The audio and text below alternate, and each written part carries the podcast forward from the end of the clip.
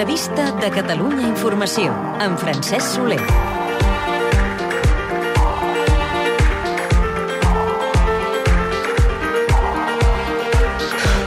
L'exconseller Joaquim Nadal signa avui un article al diari El Punt Avui en el qual sosté que el PSC hauria d'abandonar, diu, l'ambigüitat pel que fa a la defensa del dret a decidir.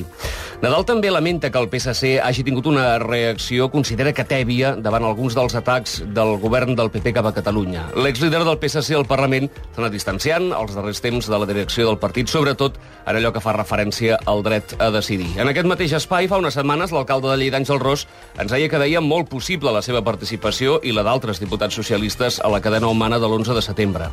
Avui analitzem l'actualitat política del país, aquest final d'estiu, aquest final d'agost, amb l'alcalde de Tarragona, Josep Fèlix Ballesteros, amb qui també parlarem, òbviament, de qüestions relacionades amb la seva ciutat. Senyor Ballesteros, bon dia, benvingut. Molt bon dia, gràcies. Alcalde, no sé si ha pogut llegir l'article del seu company de partit, ni si en línies generals en comparteix poc o molt d'anàlisi.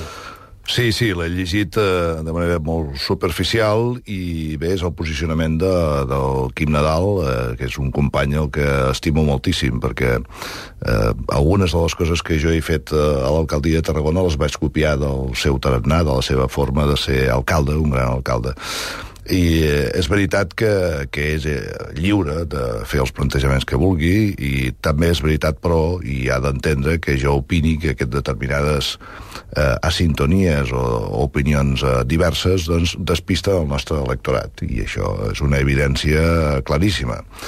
Ens passa en el nostre partit, el PSC, i passa també a Convergència i Unió. Per què passa? Perquè són partits centrals que pretenem recollir sensibilitats diverses mm, i això no passa en altres partits espanyolistes o partits eh, clarament independentistes però forma part de la nostra raó de ser i d'existir, històrica i present. No? Mm -hmm. Ara entrarem en el contingut, però pel que fa a l'oportunitat d'aquest tipus de plantejaments, d'aquest tipus de pronunciaments públics, vostè seria partidari que això quedés a dins del partit? Jo sí, però no vull que aquestes paraules s'interpretin com un veto a la lliure opinió i expressió dels nostres militants, eh? siguin eh, principals o no siguin tan coneguts.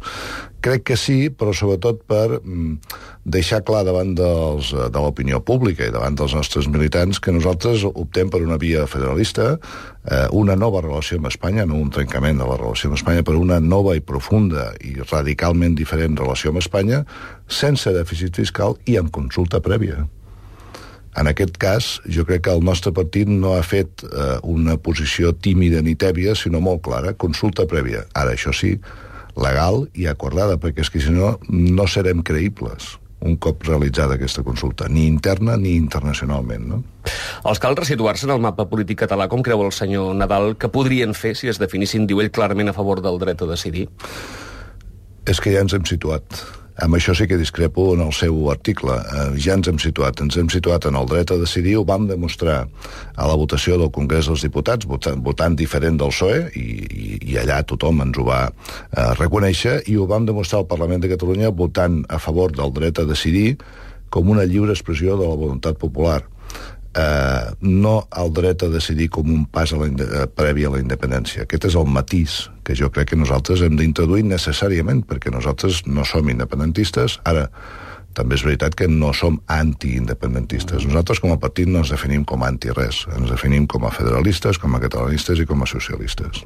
Aquesta postura vostè creu que és sostenible en el temps, vistos com van els temps polítics a casa nostra, eh? Jo crec que és sostenible, en tot cas és igual de sostenible que l'independentisme, sí. Mm -hmm. La decisió de Joaquim Nadal de presidir el pacte pel dret a decidir a Girona no ha sentat gens bé a la direcció del seu partit, del PSC. Creu que Nadal hauria de desvincular-se d'aquesta iniciativa? No, Nadal ha de fer el que cregui oportú tu des del màxim respecte que li tenim. És veritat que prendre una decisió d'aquestes que té una repercussió pública important hauria d'haver estat, si més no, prèviament comunicada. Uh -huh eh, en, el, en el sí del partit, tant a la Federació de Girona com de les comarques de Girona com a la resta del partit. Eh, ara ell és lliure, evidentment, de fer el que cregui oportú. L'Assemblea Nacional Catalana insisteix en la crida a participar tothom en la via catalana de l'11 de setembre, dient que és una convocatòria inclusiva en la qual els diferents accents, els diferents matisos s'hi han de sentir representats a favor, sobretot, del dret a decidir. Mm, per vostè, com a socialista, com a alcalde de Tarragona, aquesta crida li sona a cant de sirena? No, em sona a legítima, em mm -hmm. sona a, a lliure, eh, també és veritat que eh, per mi hi ha un, un tema que no és menor i una condició que han posat que no és menor, que és que tothom que participi en aquesta cadena serà considerat com independentista. I això no ho ha eh, rebutjat, ni matitzat, ni acotat eh, ningú, i per tant, mm -hmm. des d'aquest punt de vista, jo no em sento cridat. Si la manifestació fos pel dret a decidir, Després podríem introduir el matís de la legalitat o no, jo em sentiria perfectament eh, lliure d'anar a la cadena i, a més a més, motivat, fins i tot. Mm -hmm. Li molesta, però, que companys de partit hi vagin? No, no em molesta, no em molesta. No, eh, no em molesta perquè és lliure, però sí és veritat que crec que quan es fan determinades reflexions eh, poden desorientar l'electorat, un electorat mm -hmm. doncs, que necessita eh, objectius clars, en aquests moments, sobretot, en què hi ha tanta convulsió i tanta confusió. Alguna interessada i altra eh, uh mm-hmm. -huh. circumstàncies del debat. Una última referència, encara aquest article del senyor Nadal, i ja passarem a altres qüestions. Uh, diu també l'exconseller que vostès a vegades han estat poc, poc durs o, o tevis a l'hora de, de rebutjar o a l'hora de criticar alguns atacs que s'han fet des del govern del PP. Si pensant en la llei verd, per exemple, en la llei d'administracions locals, etc etc. Ara em permetrà que sigui una mica dolent, això que m'ho digui una persona que ha estat conseller durant vuit anys eh, d'un govern i que ha estat diputat i que ha estat cap de llista, em sembla que no és de rebut. En quin sentit, senyor Ballesteros? Doncs, home, que ell, si no hem estat eh, crítics, eh, una bona part d'aquest temps que no hem estat crítics és responsabilitat seva, també, mm -hmm. i seva en primera línia. Per tant, jo, això, jo crec que hem estat crítics eh, quan ha calgut, ens hem plantat amb la llei verd, amb la llei del mercat únic i amb tot, fins i tot amb la del dret a decidir, eh, quan ha calgut. Probablement hem teatralitzat poc, això és veritat. Mm -hmm. Som un partit eh, que apela massa a la raó i poc a les emocions. Això és veritat, eh? I, per tant, probablement aquest és un tema que hauríem de mirar de millorar, però, però eh, la política no es fa des de l'histrionisme, es fa des de la serenor i des dels objectius clars, no? Mm -hmm. I des de la sinceritat i la honestedat i la coherència. Jo no em puc vestir del que no sóc, no? Encara parlant de l'11 de setembre, l'Assemblea Nacional Catalana ha demanat formalment al president Artur Mas i a les principals autoritats del país que participin a la cadena humana de la Diada. Què creu que hauria de fer el president de la Generalitat com a primera autoritat del país? Doncs actuar en coherència. Si és independentista, actuar en coherència si és independentista, actua en coherència, insisteixo. En tot cas, a vostè no li veurem, alcalde. no. Passem a temes no, locals. No, sí. però, però donarem totes les facilitats, mm -hmm. eh, perquè crec que serà una bona expressió popular. Mm -hmm. no? Parlem de la seva ciutat, parlem de Tarragona. Les obres del Mercat Central que sembla que no s'acabin mai, i ara l'Ajuntament es ven patrimoni per acabar-les. Els periodistes eh, estan molestos. No, estan molestos perquè les obres... Eh, bé, l'obra exactament sí. eh, està en termini. Eh? Uh -huh. eh, és veritat que eh, des del govern, eh, des de l'etapa anterior a la meva arribada a l'alcaldia, eh, que es parla, és a dir, fa pràcticament 13 anys sí, que es parla sí, de les sí, obres, sí. que es va fer un mercat provisional, que van haver unes excavacions arqueològiques, una derivació de serveis, i tot això ha eternitzat la provisionalitat del mercat. Per tant, l'obra en si està, mm. diguéssim, en temps i en pressupost, cosa miraculosa per les administracions. Eh, el 27 d'aquest mes ja obrim el carrer Colom, que és el carrer principal, i per tant la, la vialitat i la peatonalització ja serà sí, sí. possible, i al mes de juliol aproximadament les obres estaran acabades. Per tant, ja estem al final del túnel. Eh, que ens venguem patrimoni per pagar això? Doncs eh, ho hem de pagar d'alguna manera o d'una altra. Tenim patrimoni eh, i és veritat que ens ho hem de vendre perquè l'Estat no ens paga els 8 milions d'euros que ens va prometre. Per tant, l'obra s'ha de pagar, s'ha d'acabar, i eh, es farà venent-nos patrimoni. Això vol dir que renunciem a que l'Estat ens pagui els 8 milions que ens deu per les obres del mercat? No, no, al contrari. Seguirem insistint, seguirem criticant que no ens ho paguen, eh, però s'ha de pagar, l'empresa ha de cobrar. Però en tot cas té data d'obertura ja al mercat? Sí, sí, eh, juliol de l'any vinent. Juliol sí, de l'any vinent, sí, sí, sí, sí. l'estiu vinent.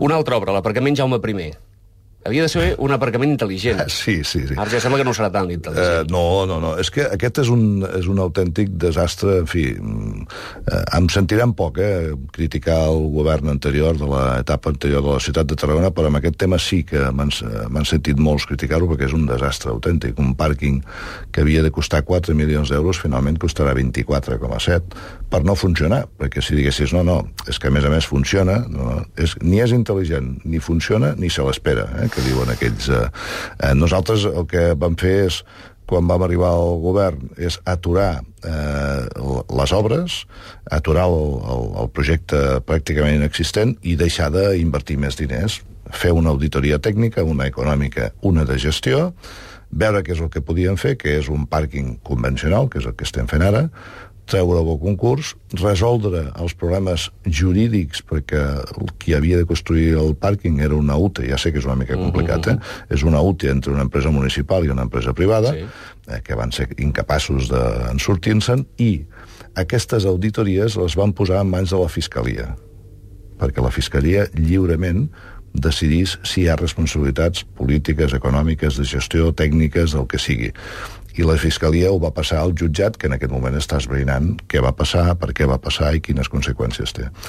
Uh, ara estem negociant amb tres empreses, després de fer un concurs que va quedar desert, estem negociant amb tres empreses i estem ja només discutint eh, quin percentatge de residents o de, o de no residents hi haurà en aquell pàrquing i, per tant, en els propers mesos es construirà un pàrquing que havia de ser intel·ligent, que no ho és, que no s'havia acabat i que serà convencional i que resoldrà alguns problemes a la part alta. Més calendari, alcalde, alguna informació del trasllat de la presó de Tarragona? Les obres del nou centre de Catllà ja estan acabades, només falta resoldre el tema del sanejament, i això sembla que no acaba de- d'arribar.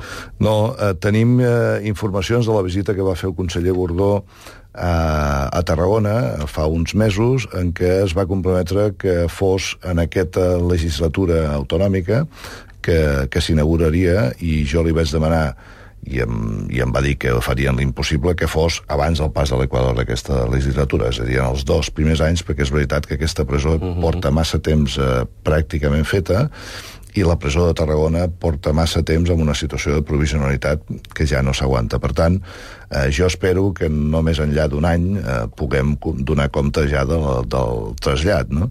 Com estem pendents també de l'Escola Oficial d'Idiomes, que s'ubica a l'antiga fàbrica de la Chartres, eh, en la que l'Escola Oficial d'Idiomes, que està en un lloc provisional, espero que el mes de setembre ja comenci a funcionar.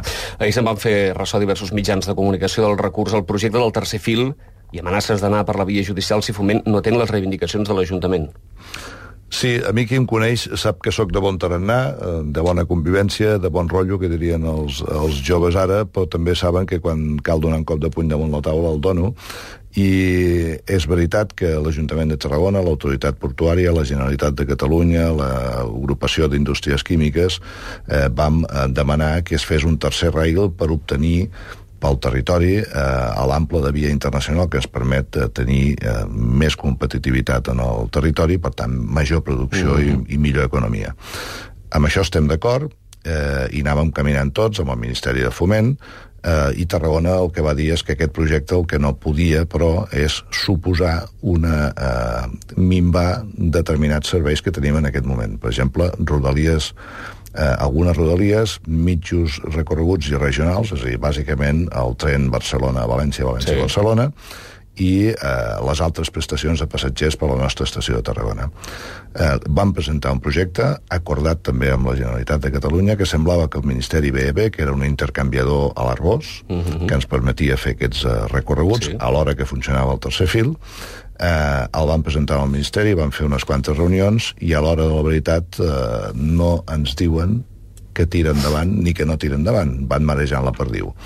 Ja vam amenaçar, eh, vam amenaçar en el seu moment en posar un recurs i quan ha arribat el moment en què veiem que això no tira endavant, doncs eh, hem presentat el recurs. I hem presentat un recurs de nulitat de ple dret perquè s'han saltat molts tràmits, entre ells donar audiència als afectats que som les administracions eh, locals i autonòmiques eh, implicades.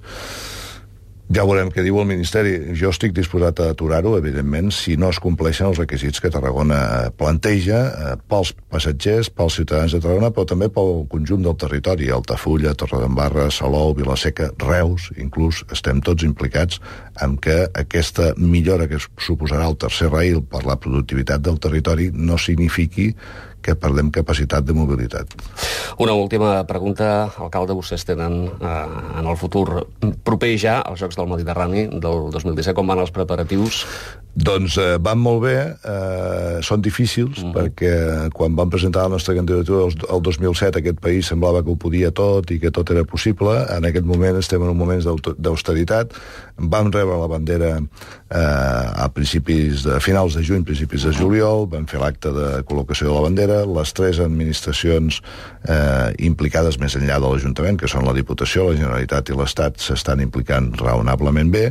Ara hem de mirar l'euro eh, amb lupa perquè no podem eh, fer un projecte que sigui insostenible econòmicament i que no sigui auster. Mm. Però, vaja, jo crec que van molt bé, eh, tindrem molta implicació d'esponsors privats, que això ens salvaran pressupostàriament els Jocs Mediterranis, i seran una gran notícia, com va dir el president de la Generalitat quan vam ser nomenats amb l'Assemblea de Turquia, serà una de les grans notícies eh, pel nostre país en els propers eh, temps, que en necessitem algunes. Eh? Segur que sí. Josep Fèlix Ballesteros, alcalde de Tarragona, moltes gràcies. Gràcies a vostès. Que tingui un bon dia.